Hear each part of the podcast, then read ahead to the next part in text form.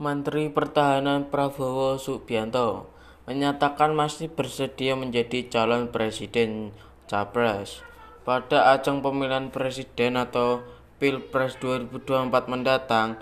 Hal ini Prabowo sampaikan dalam wawancaranya dengan Deddy Corbuzier yang diunggah channel YouTube Deddy pada Minggu tanggal 13 bulan 6. Mulainya mulanya Deddy bertanya mengenai kesediaan Prabowo dalam pesta politik 2024 mendatang. Hal ini Deddy ajukan hingga beberapa kali.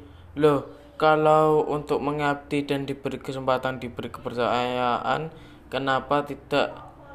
Jawab Prabowo. Menurut Prabowo, mencalonkan diri sebagai capres merupakan persoalan pengabdian.